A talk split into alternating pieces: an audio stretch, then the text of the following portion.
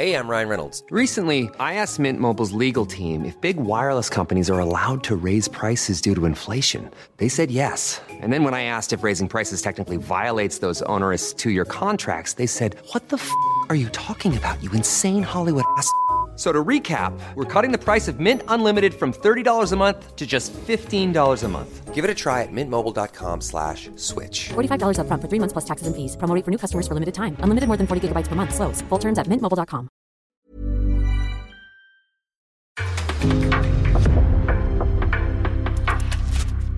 En podcast från Aftonbladet. Van Plus är tillbaka, precis som en av damallsvenskans största stjärnor.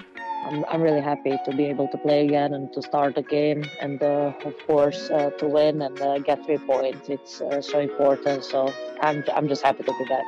Vi frågar oss hur bottenstriden egentligen ska sluta, hur Hammarby kunde bli blåsta på ett mål och vilka som tar hem giganternas kamp. För i helgen är det äntligen dags för Champions League-finalen. Lyon mot Barcelona. Ja, det och mycket mer blir det i veckans avsnitt. Så vad väntar vi på? Nu sparkar vi igång.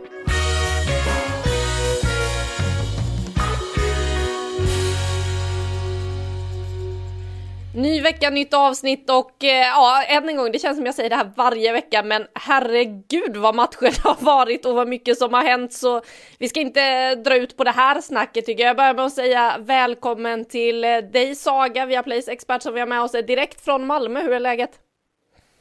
Det är mycket bra, tack. Som du säger, tätt, tätt matchande. Underbart. Ja, det är ju det och med oss från studion i Stockholm för eh, jag är ju ute på vift jag också. Men i studion har vi Makoto Asahara. Makoto, hur är läget med dig?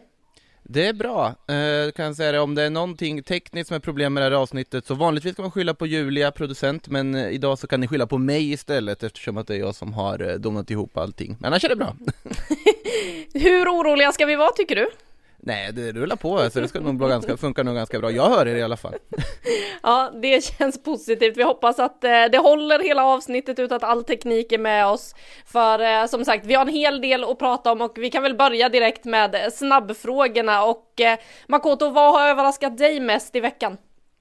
Alltså det som överraskar mig ändå och Ja det är, det är faktiskt att AIK förlorar igen. Jag trodde faktiskt att de skulle stå tillbaka hemma mot BP och det är all cred till sättet BP tar sig an den matchen och eh, sättet de vinner den på för det är en väldigt tydlig tydlig plan de har hela vägen men att de fortsätter på det här viset det förvånar mig faktiskt till och med även om det har sett så pass illa ut som det har gjort på sista tiden. Ja, vi kommer komma tillbaka till bottenstriden. Det finns en hel del att säga om den såklart eh, nu när vi har kommit en bit in i serien. Eh, Saga, vad säger du, vad har överraskat dig i veckan? Ehm, det är också ett resultat och det är det faktum att Vittsjö lyckas vända mot Piteå. Piteå gör mål i, eh, sent i första halvlek och Klara Markstedt som ändå har varit ifrågasatt utifrån hennes målproduktion så lyckas hon trycka dit både en i 85 och en i övertid, 93 typ. Eh, vänder den matchen till vinst och det, jag, jag var där och jobbade. Det var inte bländande spel från något av lagen så att eh, det är ju faktiskt eh, imponerande och överraskande. Ja, jag blev lite förvånad när jag tittade lite på tabellen och så här och insåg att Vittsjö har ju faktiskt bara förlorat en enda match den här säsongen. Alltså de lyckas varje år alltså. Att, att bara så här, man tänker att ja, men de är inte riktigt med i toppstriden, sen nu så har nio matcher in en förlust. Ja, det är ändå ett Det är- ganska bra facit. Det är Det får man säga. Ja. Eh, och apropå imponerande då, du sa ju att du var imponerad av Klara Markstedt, eh, Saga, men vem eller vad i övrigt har imponerat? Ehm, jag vet ju att eh, vi ska komma in på detta lite senare så jag håller den pucken eh, lite till. Men absolut, Klara Markstedt gör mål men det finns en som eh, lyser desto starkare just nu. Ja, vi kommer tillbaka till det. Jag är med på var du är på väg så att vi tar oss dit lite senare. Makoto, har du någonting då som har imponerat på dig den här veckan? Nej, jag, jag tar mig till de östgötska slätterna känner jag, alltså även om Linköping nu inte liksom att de är en, några poäng efter de två topplagen här, så sättet man ändå Ja, man vinner ju bara med uddamålet mot Djurgården, men sättet man dominerar den matchen fortsätter rada upp segrar och därför ett lag som tappar sin största målskytt inför säsongen, tappar sin bästa spelare under förra säsongen Jag tycker att de har något väldigt, väldigt spännande på gång och sen då såklart eh, Johanna Svedbergs otroligt vackra 2-0 mål i den matchen också. Innan nästa fråga ska vi ta och lyssna på en spelare som eh, var så att säga lite irriterad efter matchen på kanalplan. Det handlar om eh, Madeleine Janogy. Det brann, det brann till riktigt rejält just i, i det läget liksom för att det, det är ju eh, sjukt hur det kan vara offside på en hörna mm. som skarvas rätt in. Och det, jag tycker det, blir det är så tråkigt för matchen liksom. Här sliter man och tycker vi gör en fantastisk match om vi tittar till matcherna vi gjort tidigare. Och det blir ett sånt avgörande läge liksom för att komma tillbaka i matchen och så dömer de bort det. Och så gult kort. Jag vill ha en förklaring liksom. Hur, hur kan det vara offside på en hörna som skarvas rätt i mål? Mm. Jag fattar inte. Vad sa hon då? Nej, hon, hon sa att det var offside. Och då frågar jag, hur är det offside? Mm. Och den frågan ställer jag några gånger. Ja. Och då får jag gult. Ja, så där säger alltså Madeleine Janogy efter att Hammarbys reducering mot Kristianstad blivit bortdömt. Mål eller inte Makoto, vad var det som hände? Ja, det är en väldigt bra fråga vad som hände där egentligen. Det är ju situationen för er som inte sett den är ju en hörna eh, som Hammarby slår då i den andra halvleken. Det ser ut som att det är Emma Jansson då, som är sist på bollen där och nickar in den i en ganska stökig situation i straffområdet. Och de tror ju det är mål. Kristianstadsspelarna ser ut att tro att det är mål också. Eh, men det döms bort. Och det som, ja, som ni hör att jag är arg på att hon fick ju förklaringen då att det skulle varit offside. Och då har man ju ändå suttit och letat, tyvärr har man inte så inzoomad bild, man har försökt att zooma lite i skärmen så för att se vad är det för offside man hittar där. Och det enda man kan tänka på något sätt, är det så att man anser att Janogy då i nickögonblicket är offside-stående och därmed på något sätt stör målvakten? Eller på något sätt stör situationen om det är där de har plockat det för, så då, då ska ju alltså, linjedomaren adlas för vilken otroliga högögon hon har som kan se den situationen. Men det har jag väldigt svårt att se att man kan lyckas se det bakom ett virrvarr av Kristianstad-spelare och allting. Så att, eh, jag kan fortfarande inte förstå, om det då skulle vara offside som anledning förstår inte jag vad det är som, som man hittar där faktiskt. Nej, Madeleine Janogy är ju väldigt frågande till hur kan det bli offside på en hörna? Vad säger du Saga om situationen? Ja, men jag, alltså jag har ju lusläst den här regelboken utifrån det här. För att det är precis som Makoto är inne på. Alltså det är för det första och främst, för, alltså hon får lov att stå offside. Det är inte ett regelbrott i sig. Det tror jag alla är medvetna om.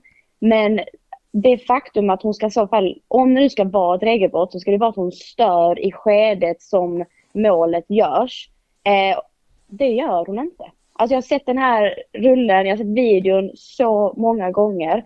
Och då är hon alltså marginellt att hon står i vägen och om hon ens gör det. Eh, jag tycker att eh, det är Lök som ska kunna röra sig ganska fritt där. Det finns vi, jag tror jag stoppade bilden en gång där jag tänkte så här, ja okej, okay, här kan jag förstå att domaren upplever att hon, att Lök är blockad. Men då är det, då är hon inte offside och hon är inte egentligen i position att, att göra ett regelbrott. Så jag tycker verkligen de blir snuvade på det här målet och det som eh, de där hökögonen skulle jag vilja ha för att eh, alltså, som sagt bilderna kan vi inte ens snacka om för att det, det, vi ser inte rätt vinkel men eh, jag tycker inte absolut inte att den är självklar på något sätt utan tvärtom så tycker jag att det där ska vara såklart mål. Um, så jag, jag ställer mig jättefrågan till hela situationen. Återigen, det är dumma besluten stackarna men uh, jag tycker ändå att det, det känns konstigt. Ja, otroligt märkligt och eh, ganska upprört på kanalplanen efter den där situationen. Eh, vi får väl se vad som händer nästa vecka som vi får diskutera och se vad vi behöver hökögon till. Men motståndarna då i den matchen, Kristianstad, de har tagit sju poäng nu på åtta dagar. Är det bra eller dåligt att de eh, får lite andrum nu, Makoto? Alltså det som är eh, bra är ju sättet de har ta tillbaka, eller alltså de har egentligen känns som att de har varit ganska välfungerande nyförvärven de fått in och funkat på ett bra vis väldigt fort. Och då tänker jag såklart på någon som till exempel Tabby Tindell eller Kila van den Bulk som ju var matchavgörande här. Men ja, bara faktumet att man plockar den här poängen borta mot Rosengård, sen åker till kanalplan där man har haft problem. Vi såg det förra säsongen, vi såg det inför förra säsongen, att man verkligen, att Hammarby passade Kristianstad väldigt, väldigt dåligt. Nu lyckas man på något helt annat sätt ändå på en helt annan säkerhet ta med sig de där tre poängen. Det tror jag betyder jättemycket med tanke på vad den klubben har för ambitioner. Sen, sen är jag fortfarande inne på att de kommer, de är inte riktigt vassa, de har tappat för mycket och ja de kommer absolut inte utmana något SM-guld, men sen jag är ju tveksam om de ens kommer utmana om tredjeplatsen. Men såklart att den här resultatraden de har fått nu, sista matcherna här, är väldigt viktig för dem sett till hur säsongen inletts innan. Gud, det här är så intressant. Förlåt, jag hoppar in direkt. Ja, kör! Alltså, nej, för jag, jag är ju helt tvärtom där. Jag, jag tror absolut att de kommer utmana i längden. För att, alltså, dels också för att jag har sån tillit till eh, Beta Gunnarsdottir. Jag tycker mm. hon är en fantastisk tränare. Och du fråga, frågan i början var ju så här, är det bra eller dåligt att de får lite paus? Jag skulle säga att det är otroligt bra. För att det man inte tänker på när det är så här tajt matchande, man, många pratar om att ja, men spelarna hinner inte återhämta sig. Men man hinner inte heller träna på de sakerna som man ser och upptäcker i matcher som kan vara problematiska. Du kan inte göra det i hög fart. Du kanske kan på sin höjd gå igenom det lite långsamt på en träning för att spelarna ska få en bild. Men nu har man några dagar faktiskt fått träna fotboll och liksom hitta de här eh, svagheterna man har sett i spelet, kunna skruva på dem, hjälpa spelarna förstå vilken intensitet som behövs och så vidare. Så att jag tror det är jättebra att spelarna får lite andrum. Eh, och Kristianstad i sig själva.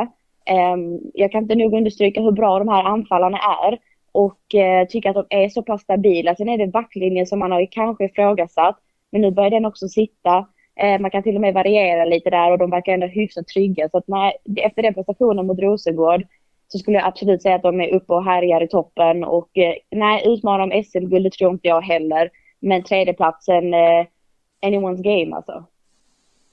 Ja, det är intressant och vi kan ju säga Saga, du är inne på lite samma spår som eh, tränaren som du pratar om också, Elisabeth Gunnarsdottir. Vi kan väl lyssna vad hon själv säger om det faktumet att de nu faktiskt får ett litet break. Det är ju skönt att få lite tid att kunna få ordentliga träningar också. För mm. det är ju inte så att man, man slipar bara på detaljer och man har massa möten i konferensrum istället för att och kunna träna ordentligt när det är så mycket matcher som jag menar, spelar fredag så vi ska inte ta oss upp hit. Det är en strategi att mm. hitta rätt vad gäller det och jag tror att det hjälpte oss väldigt mycket att vi flög upp idag.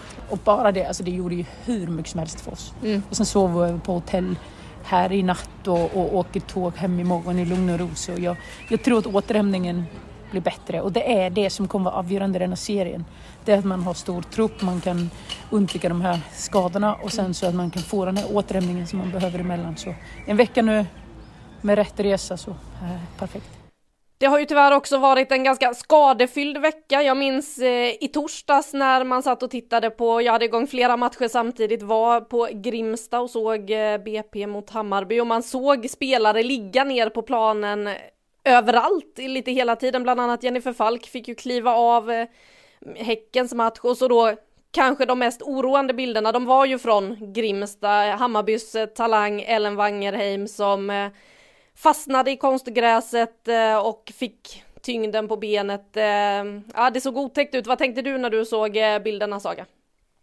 Jag var jätteledsen för hennes skull, för min känsla var direkt att som på sättet hon gick ner, vi har pratat om det tidigare, när det inte är någon direkt kontakt. Absolut att hon var uppvaktad, men hon, hon tar verkligen bara ett steg åt sidan och sen så bara faller ihop. Alltså det första är ju direkt, ah, okej, okay, men det här är, alltså det är allvarligt. Um, och det verkar ju som att det, det är så också och det är bara, alltså man bara beklagar, alltså man unnar ingen spelare en långtidsskada.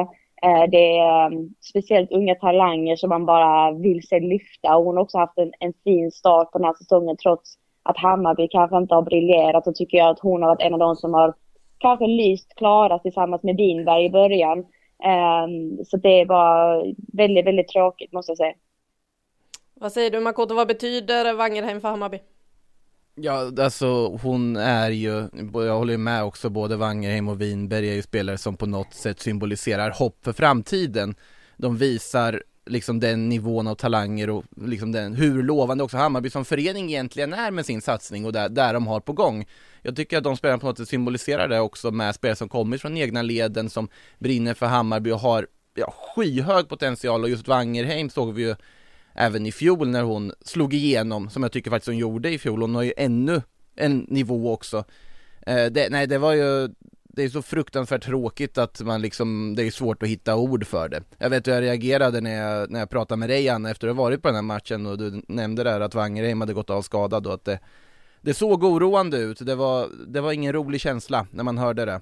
Eh, det som på något sätt man ändå får slänga med här på något sätt är ju att hon fortfarande är ung. Hon kan fortfarande nå de här enorma nivåerna i framtiden och med den inställningen hon har så, ja hon kommer komma tillbaka, det är känslan i alla fall och det är det man måste tro också.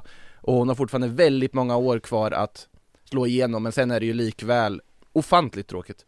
Men det är ju, förlåt jag säger bara, det tar bara Rickard Kaneryd som ett praktexempel. Jag tror Per nämnde det senaste podden att, att efter hennes skada, titta vilken spelare hon är nu, så att det finns tid, klart det finns det, men det är bara att man att det ska behöva finnas ett stopp i den här framfarten, det är väl det man grämer sig Ja, ja, såklart. Mm. Och vi kan väl lyssna på eh, vad Ellen Wangerheim själv säger för att eh, höra just det där. Inställningen verkar det inte vara något fel på. Men eh, jag får se det som att jag är ung, eh, jag har karriären framför mig eh, och jag får se det som eh, i sådana fall en tid i gymmet på att bara bli starkare mentalt och fysiskt. Så jag får försöka ha en bra inställning och som sagt det är mycket enklare med den peppen och hjälpen man får i den här klubben. Hur är det att hoppa in här på kryckor då? Jo men som jag säger, det är en, jag gillar fotboll och jag gillar den här platsen att vara på så det gör att jag blir glad. Och eh, vi ska blicka lite internationellt också. Det är ju så att eh, fotbollen internationellt eh, börjar nå sitt slut. Vi har ju avgjort en massa serier redan och eh, nu har det varit cupfinaler som har spelats. PSG vann cupfinalen i Frankrike med 8-0. Reaktion på resultatet Makoto? Ja, att de möter andra divisionsklubben Isör Allier som ska ha all cred för deras resa till hela vägen till en cupfinal. Men om det här hade slutat på något annat vis så Ja, det, det hade ju varit år, århundradets, årtusendets skräll. Eh, ett PSG som startar med ett otroligt slagkraftigt lag. Man har eh, liksom skytteligaledaren Katoto på planen som gör eh, tre av målen också. Det här var ju bara, det var ju en titel som skulle åkas dit och hämtas hem. Och det gör ju PSG också, bara rulla på på det sättet de gör. För dem är det nog snarare surt att ha förlorat den där CL-duellen mot Lyon. Att ha sannolikt också förlorat ligakampen mot Lyon. Det svider nog väldigt mycket och såklart en kupptitel är plåster på såren och då är det extra skönt också att få vinna rejält även om det var ett motstånd man ska avfärda med de siffrorna. Och eh, det har ju spelats eh, cupfinal även i England där Chelsea besegrade Manchester City i FA-cupfinalen. Eh, Saga, vad säger du om matchen? Den var så otroligt rolig att se. Eh, fartfylld. Jag slås hela tiden av det i Super League, att det är spelare som de är så otroligt atletiska men bevarar ändå sin tekniska eh, ability, eh, förmåga på svenska. Eh, och de här målen som görs. Alltså det är, det är drömskott efter drömskott och de gör det så himla lättsamt på något sätt. Det var fight rakt igenom. Det var många gånger som jag tänkte oj, oj, oj, nu är det halvt utvisning här. Men de bara studsar upp de här spelarna. De är otroligt inspirerande att titta på. Eh, vi ska inte ens tala om eh, Sam Kerr som hon får ett mål bortom tidigt. Men då har alltså hon petat den på ena hållet runt målvakten, springer på andra och passar in den. Alltså hon har sån kyla i de här lägena. Det var så otroligt kul att, att följa de här typen av matcher och när det, när det blev tajt och sen avgörandet kom ju från eh, Aaron Cuthbert väldigt sent och eh, det var ju inte ett, eh, en dålig pärla hon fick till om vi säger så. Nej, det var ganska snygga mål där och är det bara jag som blir lite ledsen när jag tänker på att Sam Kerr är från Australien och inte kommer spela EM i sommar? Eh, ja, nej men du, då är vi två. Ja, alltså ur ett objektivt perspektiv för Sveriges del så är det väl inte fy skam även om Sverige, Sverige visat att man kan stoppa Sam Kerr både en, två och tre gånger om man minns tillbaka till förra året. Lite så, men eh, ingen Sam Kerr i sommar alltså när det är dags för EM. Med det så är vi klara med snabbfrågorna. Vi ska in på rubrikerna och den första rubriken för veckan är eh, bottenstriden. Hur ska det här sluta? Och vi börjar med att lyssna på AIKs målvakt Milla-Maj Majasari. Jag lov att säga. Ja. Det är jättetufft. Of course. Vad kan man säga? Men eh, det enda som jag tänker på just nu är att de starkaste är inte de som blir närslagna utan de starkaste är de som reser sig upp varje gång. Gång efter gång efter gång. Jag menar, ja, de starkaste är inte som de som aldrig blir nedslagna, De blir nedslagna och de stiger sig, äh, reser sig upp. Så vi reser upp oss. Går nästa, ta nästa. Det är liksom...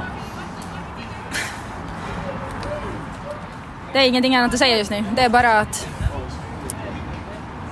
resa sig upp och gå ta nästa, nästa match, match efter match efter match. En match i taget. Ja, så om vi börjar då på förra veckans samtalsämne AIK. Det har ju stormat rejält den senaste veckan. Precis innan vi spelade in podden eh, då så hade man valt att eh, sparka både tränare, assisterande och sportchef och ta in ett nytt gäng. Nu har det blivit eh, två förluster den här veckan. Förlustraden är uppe på åtta raka. Ni var båda två på Skytteholm och Makoto, det var ju du som pratade med Maja Sari här. Hur var liksom stämningen efter förlusten mot BP? Ja, som jag var inne på tidigare här i början av det här avsnittet var man förvånad tycker jag ändå att AIK inte lyckas ta tillbaka och det är som sagt, det har ju mycket att göra med BP's insats men det är mycket i AIKs spel som inte funkar också. Eh, det är en allmän känsla av chock hos spelarna, att spelarna inte riktigt vet hur överhuvudtaget de ska ta sig tillbaka från det här. Det har ju varit tight matchande på sista tiden, vilket har kommit med en usel timing egentligen för AIK sett till vart de är. Eh, jag tror att det verkar överlag vara så att spelartruppen verkar ändå liksom acceptera och uppskatta de nya tränarna som kommit in och idéerna de har implementerat och det var ändå steg framåt i matchen mot Eskilstuna innan. Eh, men sen så ramlar man tillbaka i den här måste-matchen och där man märker att de mår ju inte bra. Alltså laget mår inte bra, det förstår man ju med åtta raka förluster, men det är också någon sorts känsla av att vad är det man behöver göra? För att det är ju det är så svårt att sätta fingret på vad är det exakt som fattas. Såklart att, att Davison nu saknas och är skadad är ju ett jätteavbräck för eh, försvaret såklart. Eh, jag tror att en spelare som Simsen som kommit in här, hon tycker var klart bäst i AIK under den här matchen också och ska med lite marginaler på sin sida, det vill säga sånt som AIK inte har just nu, så hade nog hon gjort ett mål också i den här matchen. Men överlag, det är ju Alltså efter slutsignalen, det är tårar på flera spelare, det är tomma blickar, det är det, det, finns en sorts uppgivenhet samtidigt som, som Maja Sari också var inne på, så det finns inget annat att göra än att stå tillbaka. Men frågan är hur ska man lyckas göra det? Och det är ingen lätt uppgift för nya, nya tränarduon som kommit in. Eh, Saga, vad säger du om eh, det vi ser hos AIK? This is Paige, the co-host of Giggly Squad, and I want to tell you about a company that I've been loving, Olive and June. Olive and June gives you everything that you need for a salon quality manicure in one box. And if you break it down, it really comes out to $2 a manicure, which is absolutely insane. It's also so easy to get salon worthy nails at home with Olive and June. The difference between how your nails used to look when you did them yourself and now with the Manny system is a complete game changer. The best thing about Olive and June too is it's a quick dry, dries in about one minute, lasts for five days, and full coverage in up to one to two coats. Visit oliveandjune.com slash perfect Manny 20 for 20% off your first system. That's oliveandjune.com slash perfect Manny 20 for 20% off your first system. Gå just nu. Ja, men jag tror att det, eller inte tror, jag vet själv när man har varit i lag när hopplösheten har börjat infinna sig. Man börjar titta utanför sig, sin egen prestation och tycka, ja men hon gör ju inte vad hon ska, hon gör ju inte vad hon ska. Och eh, jag såg faktiskt en liten, ett litet klipp som AIK släppte ut i sina egna kanaler där Davison, Davison sitter i eh, omklädningsrummet och säger eh, det är dags att börja ta ansvar. Nu, nu verkligen, Korta mig inte exakt på vad hon säger men, men titta på det själva. Just att hon säger att göm er inte bakom varandra. Börja ta ansvar. Och hon hade en sån övertygelse i sin röst. Jag tycker hon är en sån ledare för, för AIK. Så inte nog med att hon är utanför laget nu är ett jätteproblem. Men hon är åtminstone runt laget även på match och försöker ge sin eh, visdom, if you will. Eh, men det jag tycker är problematiskt är att AIK som har material till att spela fin fotboll, som börjar den här säsongen, som jag anser på ett väldigt mycket bättre sätt än förra året. Att man inte får ihop det. Det är precis som Makoto säger, var är det det skaver? Var har man gått så fel? För att materialet finns. Ehm, den matchen vi såg nu senast, de ska ju egentligen vara bollförande, dominera den matchen enligt mig. Jag tycker BP gör bra prestation, de är smarta, taktiska, gör det de är bra på. Men AIK, alltså jag, jag led så mycket med mittbacksparet för att varje gång de fick bollen så var det ryggar. Ingen ville veta av bollen. Ingen ville kräva bollen, ingen kände att jag vill ändra matchen. Förutom då kanske Remy Simpson som jag anser kom till rätt så bra lägen. Men det är många spelare som överarbetar situationer Eh, det finns ingen trygghet i att ja, men hon kommer alltid springa där. Eller eh, eh, man brukar prata om predictability. Man vill veta att den här spelaren jobbar ofta så och jag kan hitta henne på de här tre, fyra sätten. Men det vet man inte just nu för nu är det bara massa individer som springer runt och försöker lösa uppgiften själva. Det måste Jesper Björk eh, ta tag i så himla kvickt för att det här ska gå på andra hållet nu. Ja, AIK har ju så här långt eh, tre poäng. Det är den inledande segern mot eh, KIF Örebro efter det åtta raka förluster och det här var ju en eh, lite av en måste-match med tanke på att Brommapojkarna också låg på endast en seger inför. Nu är de då uppe på sex poäng precis som IFK Kalmar eh, som ligger på en trettonde plats. På en elfte plats har vi Umeå en poäng mer för nykomlingarna som är på sju poäng och på en tionde plats då Hammarby med tio poäng.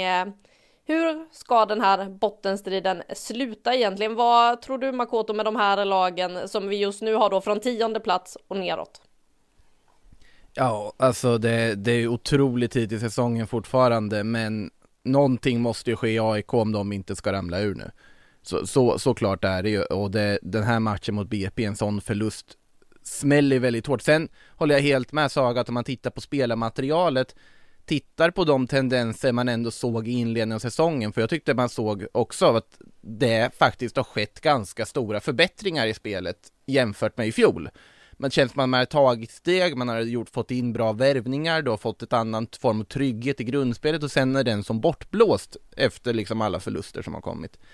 Så att de måste ju på något sätt stöta tillbaka och hitta rätt. Jag tror fortfarande att IFK Kalmar och BP kan ligga farligt till över, på sikt.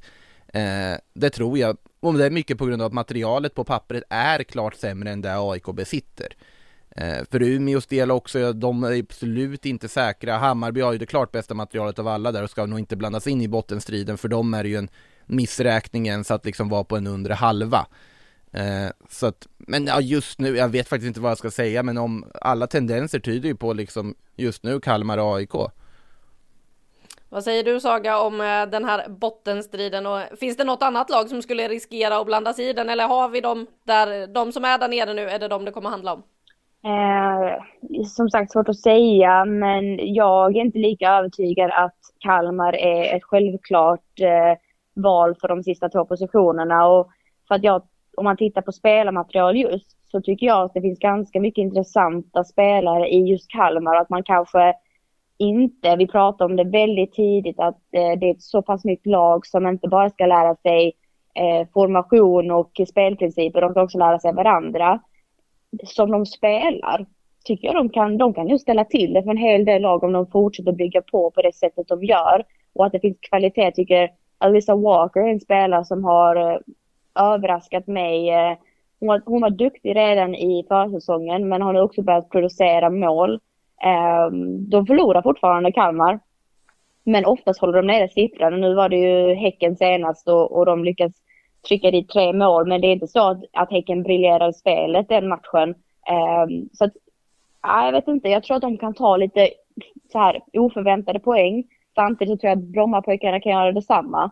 Uh, just för hur de spelar, de är mycket omställningslag och är skickliga i det. Så att, men att det är de lagen som är där nu, Brommapojkarna, Kalmar, AIK, ja, det kommer nog vara att de byter plats en hel del. Eh, sen får vi se hur länge Umeå orkar. Eh, men jag tror egentligen inte att det ska, med tanke på att Piteå har överraskat som de har gjort så lär ju inte de vara där nere och härja. Så att, eh, tror vi har en ganska tydlig bild på bottenskiktet och vem som ska eh, hamna längst ner. Det, det får bara tiden utvisa. Det känns ju som att alltså både Piteå och Djurgården har ju egentligen på något sätt en potential att kunna blanda sig i, men samtidigt jag kan se framför mig att de skulle tappa form och tappa momentum, men jag ser inte de tre där nere få så pass mycket momentum att de på något sätt skulle springa om dem. Det är ganska många poäng som skiljer redan nu. Liksom mellan AIK och Djurgården just nu, det är nio poäng. Eh, jag ser inte de lagen längst ner få liksom den, den pushen så att man kan blanda i de lagen som är övre i bottenstriden. Så att det, det, det, jag håller helt med att det är nog dem det kommer att handla om. Mm, som sagt, tiden får väl utvisa det här. Vi är nio omgångar in alltså. Men eh, vi lämnar bottenstriden för nu och blickar uppåt i tabellen och nästa rubrik lyder The return of Cankovic. Ja, Jelena Cankovic är ju tillbaka och eh, vi ska prata om vad det betyder för såväl den damallsvenska toppstriden som för kuppfinalen som ju faktiskt spelas nästa vecka. Men först så ska vi ringa upp huvudpersonen själv.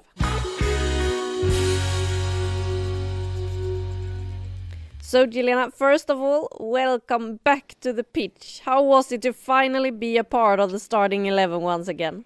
Uh, thank you. Um, yeah, it was it was really great. It uh, I'm I'm really happy to be able to play again and to start a game and uh, of course uh, to win and uh, get three points. It's uh, so important. So I'm I'm just happy to be back. You talk about the importance of three points, but you also got to score in your first start. Tell us about your goal and what it meant. Yeah, it's it's of course even even more amazing to score. It it really felt great. Um, yeah, I just uh, I just think like uh, we had like a good control and uh, on their half, and then uh, yeah, when I dribble, like I just had the opportunity to shoot, and uh, yeah, I took it. I didn't really think a lot. It just it was just uh, yeah, it was happening fast, so I just did what felt right, I guess. You played 75 minutes in the game yesterday. How are you feeling today? Yeah, I'm I'm tired, but like I would say, as usual after the game, uh, it's a late game, so uh, and like of course 75 minutes after after like two and a half months uh, away, it's hard. But I would say I feel I feel good. I feel like just just a bit tired, but like as usual after every game. So, what do you think about the form? How far are you from your top? Uh, I think I'm I'm getting closer, and uh, I think like with a lot of games uh, that we have, like in a really it's really fast schedule, so I think it will it will come back fast. so yeah, I'm I'm feeling good, and I'm I'm positive. I think like every day it's getting better and better. So I really think like it's not it's like it's just going to go back fast. How far would you say that you are from your top form right now? Yeah, I don't know. It's it's hard to say. I I'm I'm happy with uh, with my performance, but like I would say I'm maybe on seventy percent. So I, I can say like I'm I'm not on my top shape, but uh, hopefully it will come back fast. As I said, like just uh, I need to get like uh, more games and uh, 90 minutes. So I think now it's more also that game fitness that I'm that I'm lacking a bit. But yeah, hopefully with like a lot of games, like it will it will come back. Yeah, so how good is it for you that you have a lot of games the weeks ahead? Yeah, it's it's good, but like yeah, I also like uh, need to need to know how my body feels, and uh, yeah, we, we need to manage uh, to manage it good. But like so far, it feels all good, and I'm happy with a lot of games because I like to play football. So yeah, I'm I'm really looking forward to it. Yeah, you say that you like to play football. How has the last few months been for you watching it from the side? Yeah, it's it's really been hard, and it's it's hard to watch it uh, to watch it from the side. Like when when you're injured and you can't help the team. Also, like everyone's playing, season started, and like all of all of that is like going around, and uh, you're you're just away, and uh, yeah, it doesn't it doesn't feel nice. But uh, of course uh, like the only option is to work hard and uh, to be back as fast as possible. So yeah it was really hard time for me. But yeah i'm just really appreciating that i'm back now and uh, I'm, I'm just so happy about it. But how was it? Because the first time the club talked about it they said you hopefully just were going to miss the first few games. Uh, how was it for you? Were you also hoping to be able to play much earlier? Yeah i was i was hoping but uh, yeah it just took uh, it just took a bit longer I needed to uh, get get my strength back to 100%, and uh, yeah, it just took a bit longer. But um, I, I, was also I, I, didn't expect it to be that long, so uh, yeah, it was it was a bit hard also when you're have like when you're hoping to be back like maybe earlier, and then like it takes longer time. But like also I, it went all good. Like it's not like I had any setbacks or anything. It just it just taken that time. So yeah, it was hard, but uh, yeah, it it needed to be like that.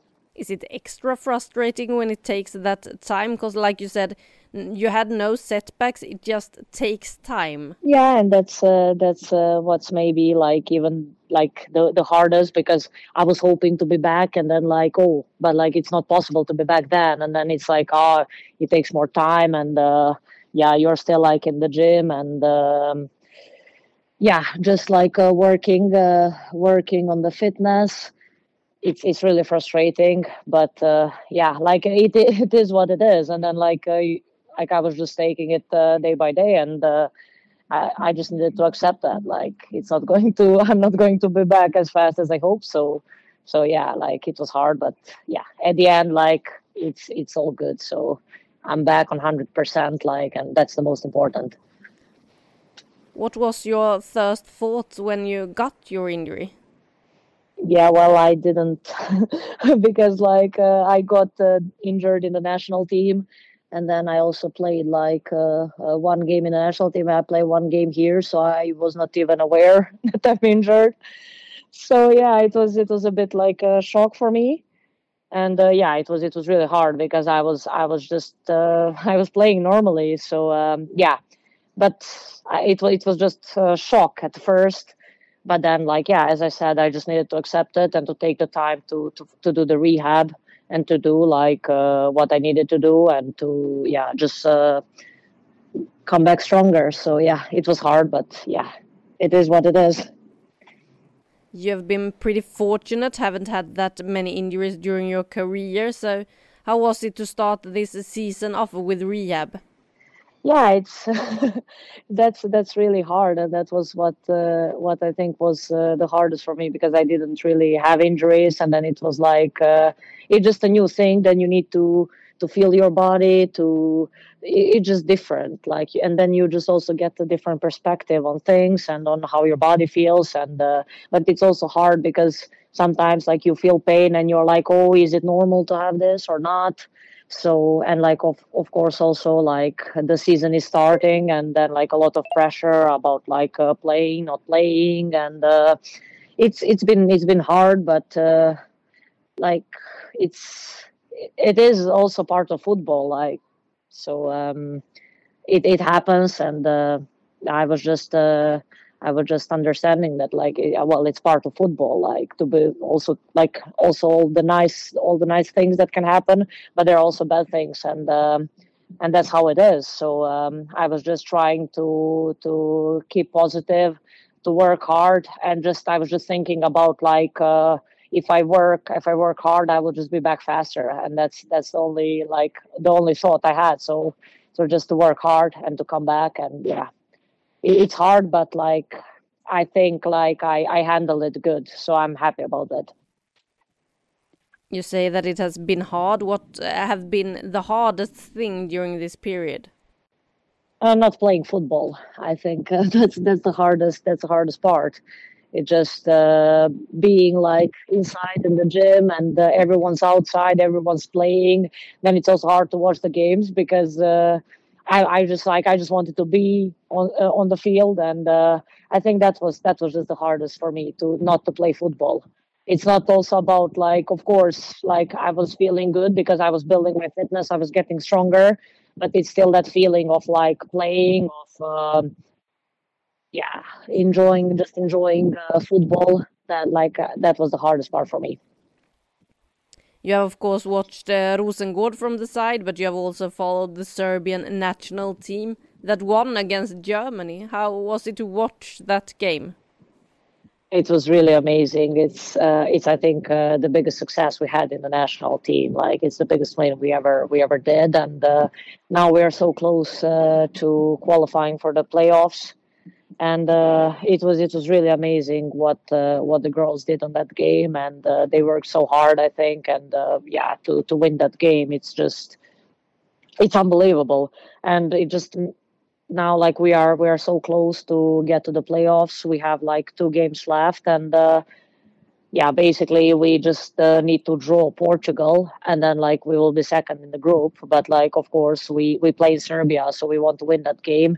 And uh, yeah, it was it was so important because for us, of course, like all the focus was kind of more on Portugal, uh, because like yeah germany is the the best team in our group. So um, for us that game was like we didn't have anything to lose. So i think that's that's what's like so amazing that like we actually won that game and uh, no one expected that. So it just uh, hopefully it will also um, uh, that we can like uh, improve like uh, popularity of women's football in Serbia, which is I think with that game like it, it was so important. So I think it was in the media and um, all like uh, all media were writing about that.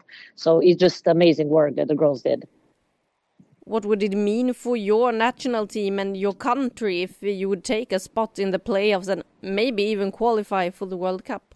It, it would mean a lot because women's football is not really popular and uh, yeah there there's still a lot of people who maybe wouldn't like their their girls to play uh, football because it's a men's sport how they say it.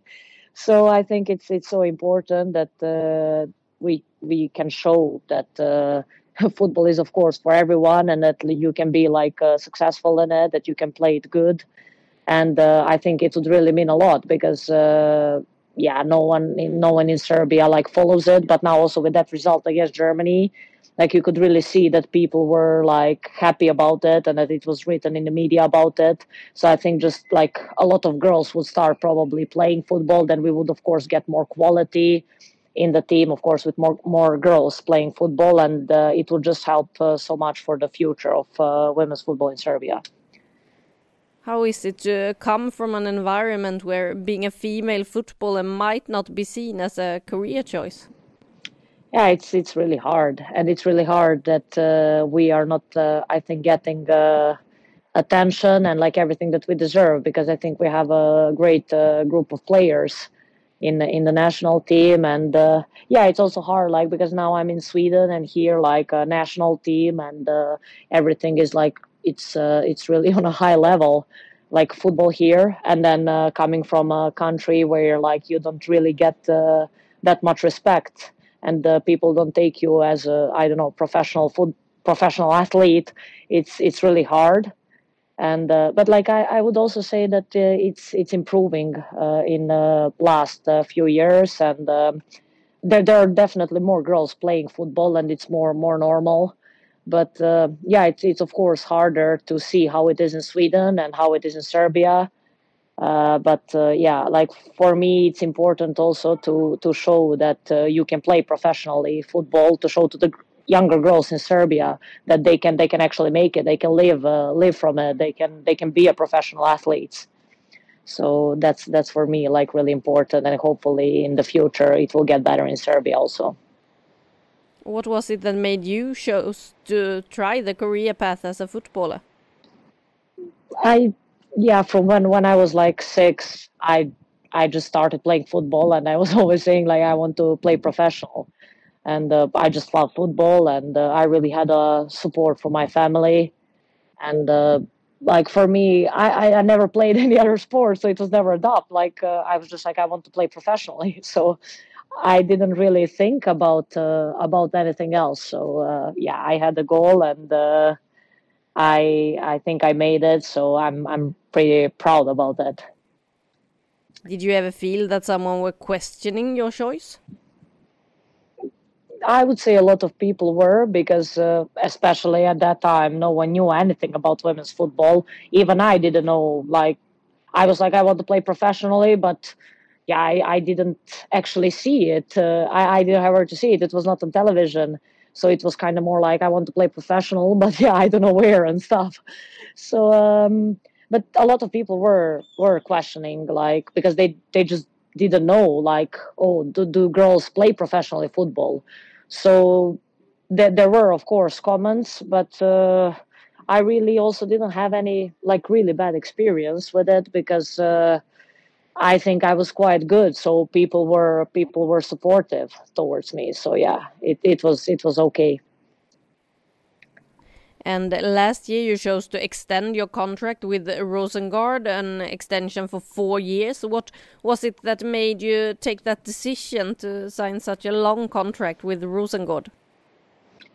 I'm I'm happy here. I I like to I, like to play for the team who's uh, fighting for the titles, uh, playing Champions League, and uh, yeah, like uh, that was. Uh, I just want to to also. Uh, I think I can improve myself more here, and I just felt it's it's the right choice. And yeah, hopefully, like this year, we can also like play Champions League, like win the titles, and yeah, that's that's what me what made me like stay make a decision to stay here.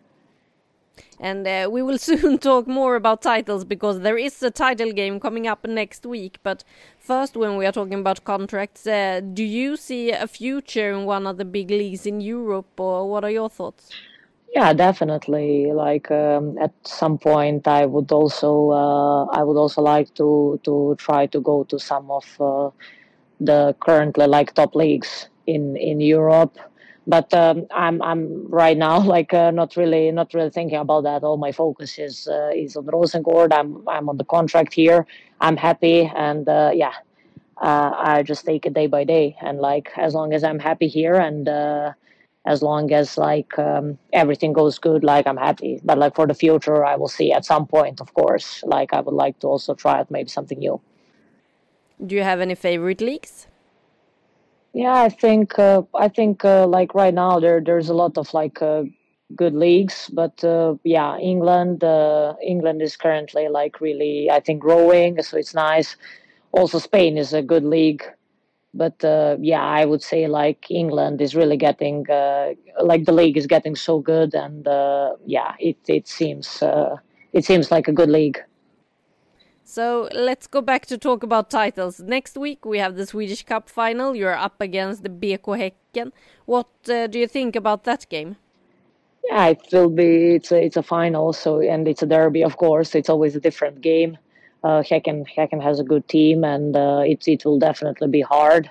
But it's also uh, like a, just just one game. It's a final, so it's uh, I think everything around it is a bit different. But uh, for us, like we just need to play our game and uh, just to uh, yeah just to play our game and uh, hopefully we can win uh, we can win the cup you missed the first game against Häcken away in Damallsvenskan, but this time it's on your home turf and you are back. What do you think it means uh, for you as a team to being on home soil and also having you back in the team? Yeah, it's always nice to to play uh, home. It's like uh, where we practice every day, so you you just feel more more comfortable and um, yeah, I'm I'm happy to be back in the team, and uh, hopefully I can I can help the team to to just uh, yeah to, to win that game, and uh, hopefully we can we can just play our game. We can uh, keep possession and yeah create chances, and yeah I hope that yeah that game will go our way. What do you think it is that you bring it to the team that they don't really have in other players? Um, I think uh, yeah, I think I I can uh, I bring like uh, a lot of that possession and uh, creativity, and uh, yeah, that's that's what uh, like my my passing like skills and. I think that's that's what I can bring to a team. That like these are things maybe that we we can improve, and hopefully, like during the next games, we can improve in that more and uh, yeah, I hope I can just bring uh, bring these things to the team. So, how good is it to finally be back on the pitch? Yeah, it's it's amazing. It's uh, it's also amazing with a lot of games uh, so tight. So it's it's basically just playing games, and uh, which is so important for me. So yeah, I'm I'm just super happy, super happy about it.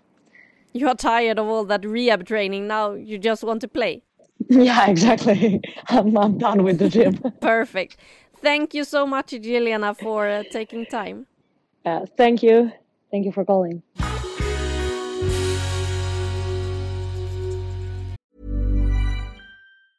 When your skin feels nourished and glows, you radiate confidence. Osea makes giving your skin a glow up easy with their clean, clinically proven Mega Moisture Duo. This seaweed powered duo features two of Osea's best sellers, Undaria Algae Body Oil and Undaria Collagen Body Lotion. Glow from the inside out. Get 10% off your first order with code GLOW at OseaMalibu.com. That's O S E A Malibu.com code GLOW.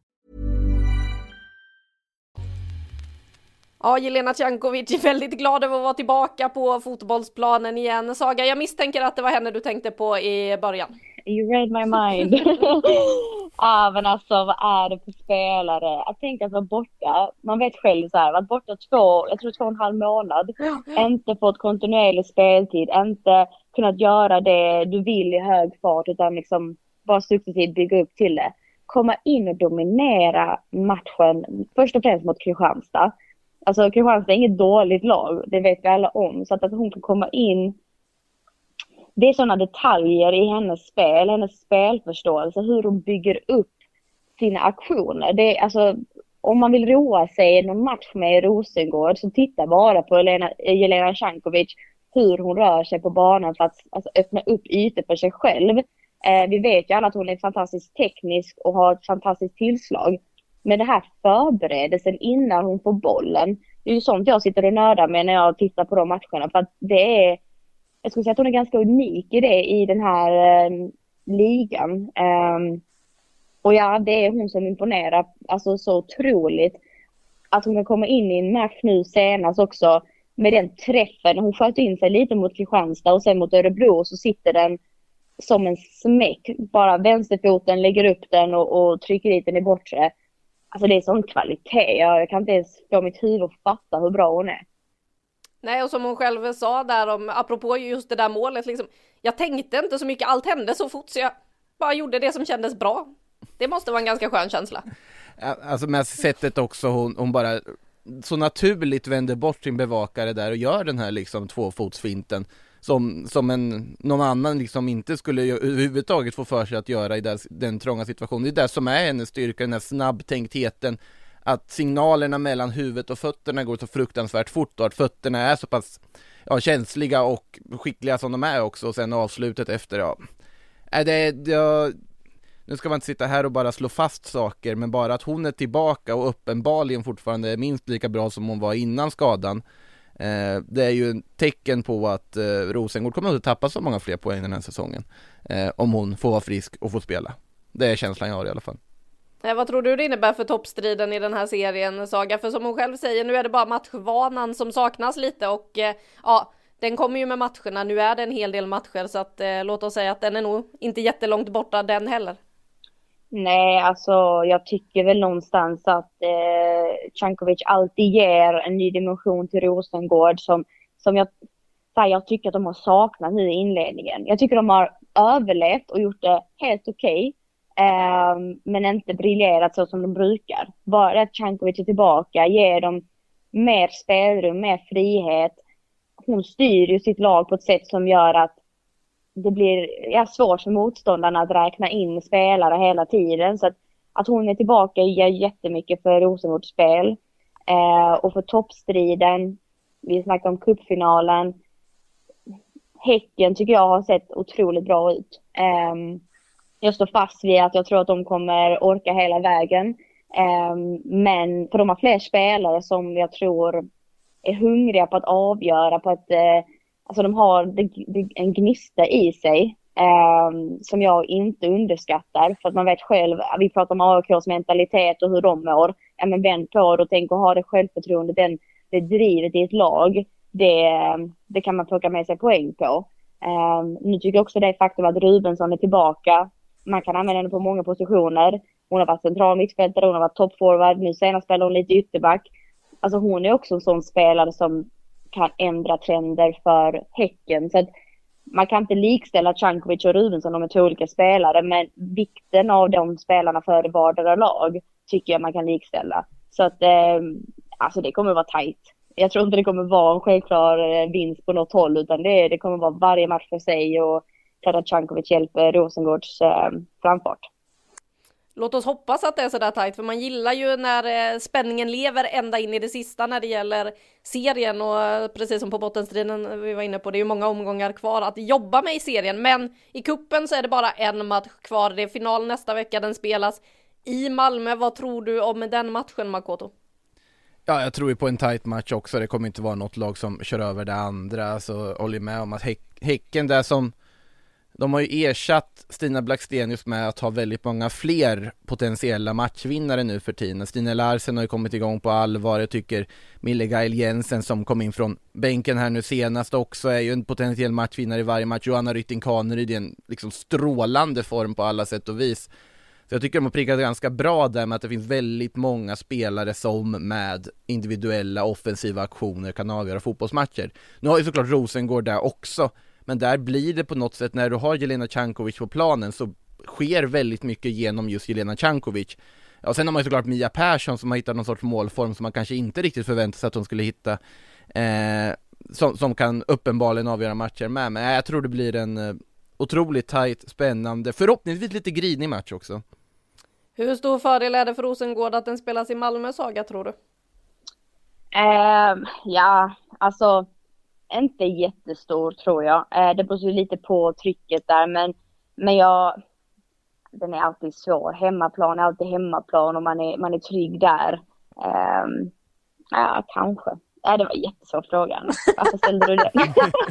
jag jobbar med de svåra frågorna. Ja, men så här. Jag, alla tycker om att spela på hemmaplan, men, men jag är också fel person att fråga för att jag, jag tycker att det, det är mest psykologiskt att, att säga att eh, just hemmaplan ska vara fördelaktigt. Det är klart att det är skönare att vakna upp i sin egen säng och, och ha sina förberedelser, men jag tycker man ska kunna prestera samma fotboll på bortaplan. Men det är jag som, hur jag är som spelare. Så att, eh, hade det varit enormt publiktryck, vilket vi alla vet att tyvärr inte är eh, på de här matcherna, i, i alla fall i damallsvenskan, så, eh, så hade det kanske spelat större roll.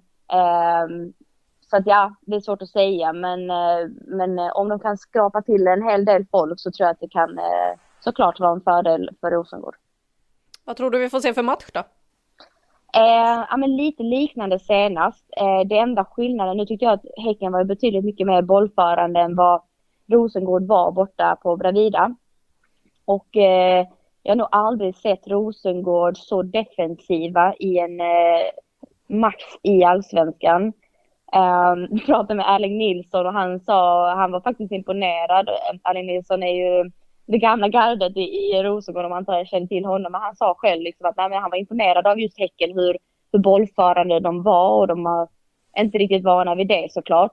Så att om man egentligen tittar på att man nu får tillbaka Cankovic i tid till detta så kanske det är så att bollinnehavet någonstans jämnar ut sig. Men um, jag vill också säga att Häcken, för senast var jag besviken att de inte gick för det hundraprocentigt. Det var vissa millimeter i pressspelet, i omställningarna där jag ville se ännu, ännu mer som vi faktiskt har fått prov på under den här försäsongen eller de första matcherna inledande. Så att att det kommer vara högre tempo tror jag. Jag tror det kommer vara två lag som, som Makoto säger, lite grinigare, lite vinna kamp. Ehm, men mycket omställningar eh, ser jag framför mig. Jag tror inte något av laget kommer bara stå och, och bagga fram och tillbaka för att det, där är båda lagen för skickliga i pressspelet. Ja, vi lär ju snacka mer om eh, den där kuppfinalen i nästa veckas avsnitt. Före matchen spelas ju på torsdag, Kristi himmelfärd. Missa inte den, eh, en giganternas kamp i med svenska mått mätt, men eh, den sista rubriken den handlar såklart om eh, den stora kampen som väntar i helgen. Vi kallade den giganternas kamp sist vi pratade om den också. Eh, det var också när ni var med, Saga och Makoto. Det handlar såklart om Champions League-finalen. På lördag så blickar alla mot Turin. Då är det Barcelona mot eh, Lyon i Champions League-finalen. Eh, Saga, vad, vad känner du när du tänker att eh, det snart äntligen är dags att se den här matchen. Jag är otroligt taggad jag hoppas bara att den blir mycket tajtare än fjolåret för att då, eh, då hade jag nog en förhoppning att, att Chelsea skulle liksom kunna brösta upp sig och, och vara en värdig motståndare för Barcelona. Nu tror jag att eh, det kommer vara jämnare. Eh, och det hoppas jag verkligen på. Det är ingen som, alltså man vill ju inte se en utklassning i en final i eh, Champions League. Det, det vill man faktiskt inte, eller i alla fall inte jag. Jag kan tala för alla. Men Eh, men eh, nej, alltså det ska bli fantastiskt skoj och eh, ja, tufft och tajt kommer det bli. Ja, man vill inte ha de där kuppsiffrorna från Frankrike, en 8-0 seger eller sådär på lördag, utan eh, jag är helt med dig Saga, en eh, tuff match vill man ju ha, men Makoto finns det risk att eh, den blir för upphåsad när det är två så här storlag och att vi blir besvikna? Ja, det finns ju alltid en sån risk inför en final, det råder det ingen tvekan om, eller inför en stor match i allmänhet, att två lag som är väl medvetna om varandras extrema styrkor väljer att ta det säkra före det osäkra med vetskapen att en miss kan kosta mer än vad det skulle göra annars. Så att den risken finns absolut. Sen, jag har ju egentligen inte ändrat min ståndpunkt in, nu vet jag inte exakt vilka ord jag använde när vi pratade om den här finalen senast. Men det jag vet är att grundtanken är att jag ser ju en komfortabel Barcelona-seger. Jag ser att de har tagit kliv och blivit det som Lyon en gång var. Och det här är på något sätt det är liksom finalen de ska bevisa det. Det här är finalen de ska visa hur långt de har passerat Lyon eh, under de här åren som varit sen de blev fullkomligt överkörda av Lyon för, för några år sedan i en final. Så jag ser ju rent dramaturgiskt framför mig ett Barcelona som bara kommer ja, gå ut och visa hur överlägsna de är. Det är vad jag ser. Sen mycket väl, Lyon, bara faktum att de har suttit tillbaka och på något sätt tagit tillbaka den här tronen från PSG. De, PSG fick låna den i ett år innan Lyon bara tack och plockade tillbaka den. Eh, det talar ju för att Lyon, Lyon kommer ju inte lägga sig platt heller och de, de har en grund och de har en, de är ett otroligt bra fotbollslag. Så att jag tror ju, jag ser ju Lyon som klart starkare motstånd än Chelsea i en final. Det gör jag, utan tvekan. Så att, eh, men jag skulle inte förvåna mig, alltså det här Barcelona har en sån höjd att om det skulle sluta 4-1 då skulle det inte förvåna mig ett dugg, men det skulle inte heller förvåna mig om vi får en mer ja, publikvänlig, tight, spännande tillställning också, men i slutändan tror jag att det är Barcelona som tar hem det. Och eh, vi har ju två svenskar i finalen, Emma Holmgren eh, som är eh, andra målvakt i Lyon och så har vi ju Fridolina Rolfö eh, i Barcelona som var inne på det när hon var med i eh, podden för några veckor sedan att eh, hon ju numera spelar vänsterback, tyckte att det kändes lugnt liksom i ligan för att ja men där funkar positionen men att hon blev nervös när hon insåg att okej okay, nu är det Arsenal som står på andra sidan i Champions League. Nu är hon ju lite varmare i kläderna men en vänsterbacksposition i en Champions League-final mot ett eh, Lyon, Saga. Vad, vad, tror du om det?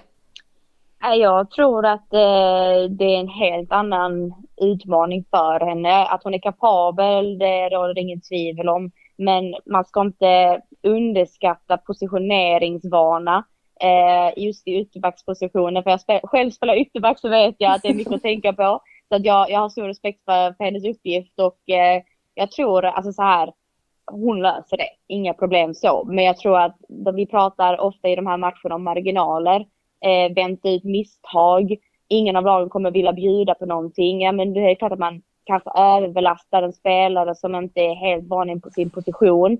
Sen å andra sidan har hon spelat så alltså pass mycket att, att nu är det, finns det en vana. Och sen är hon ju, ska hon ju vara offensivt lagd och det är ju alltid en huvudvärk för motståndaren när en ytterback eh, driver på framåt. Så att på det sättet så tror jag inte det ska vara konstigheter. Men jag säger så här, jag tror att Barcelona i, i grund kommer vara mest bollförande. Men bjuder de bort hörner, frisparkar på egen planhalva, eh, då tror jag att de får det rejält jobbigt med tanke på vilka huvudspelare som Lyon eh, besitter. Så att eh, det är inte för inte som eh, Renard är en toppspelare och varit det väldigt många år. Alltså, det, alltså man skojar inte bort hennes längd och spänst men också huvudkapacitet. Så att jag tror så här, de styrkorna som båda lagen har, om de kan förvalta dem i den här matchen så blir det tajt. Men ett mer bollförande Barcelona, det tror jag nog. Det är ju ingen lätt uppgift hon har heller med liksom Cascarino och Carpenter på den kanten som hon får hantera. Det är ju två duktiga spelare liksom som, som har varit med ett tag också så att det är ju ingen lätt uppgift för, för Rolfö direkt. Vad tror ni blir avgörande då?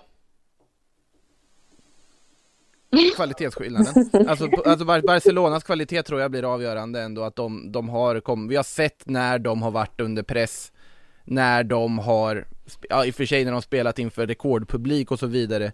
Vi har sett dem köra över Wolfsburg som är ett av världens bästa lag.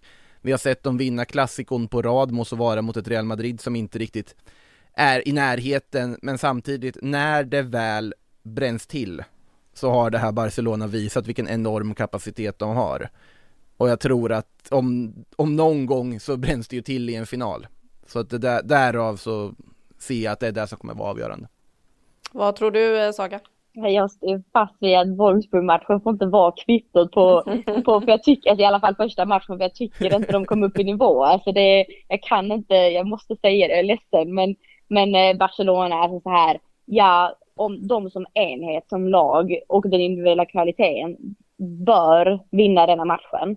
Men den, det, liksom the power som Lyon har, fasta situationer som jag nämnde, Eh, kan nog skaka fram dem, vara trygga i sitt försvarsspel och sen kontra sönder. Ja, alltså anyone's game. Så att avgörande, Barcelona måste göra, vara kliniska. Bjuder de bort någonting så kommer Lyon hugga. Eh, och vi vet ju också att de är oftast kliniska. Ja, man litar väl lite på Barcelona trots allt. Men jag gillar ju en kamp så att eh, jag håller mig lite sådär Switzerland, låt dem båda vara bra liksom. Ja, det hoppas vi. Vi hoppas på en bra match. Eh, kan väl gissa att Ada Hegerberg kanske kan slänga lite mer eh, ved på den där elden som hon eldade igång direkt när det stod klart att eh, det är Lyon mot Barcelona som väntar till helgen och då är vi ju faktiskt nästan klara. Vi kan ju säga också att matchen spelas klockan sju på lördag för de som vill se den. Det hoppas jag att alla som lyssnar tänker göra för att förhoppningsvis är det en fantastisk match. Men det är ju 5 plus vi lyssnar på och eh, det är därför dags att dela ut det den här veckan och eh, jag ska den här veckan dela ut det till en upptäckt jag gjorde när jag var i England i helgen. Jag gick in i en eh, liten affär, kollade lite bland tidningarna och hittade årets Panini-album inför EM.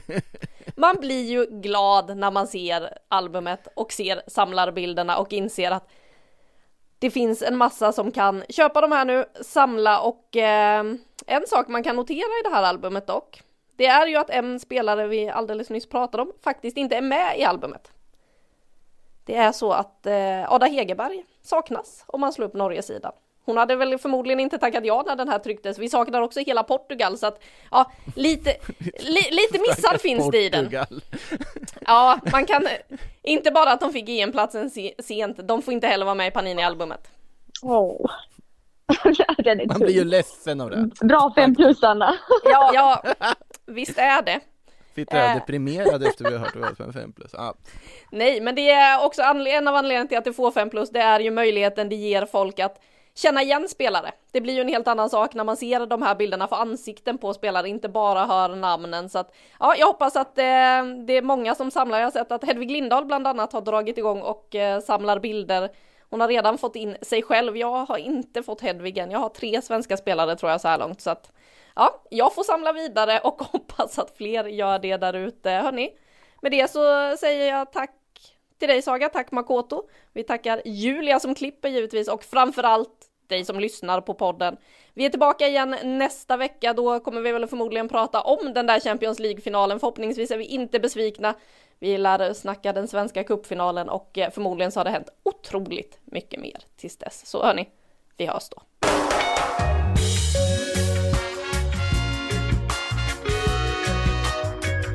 Du har lyssnat på en podcast från Aftonbladet. Ansvarig utgivare är Lena K Samuelsson.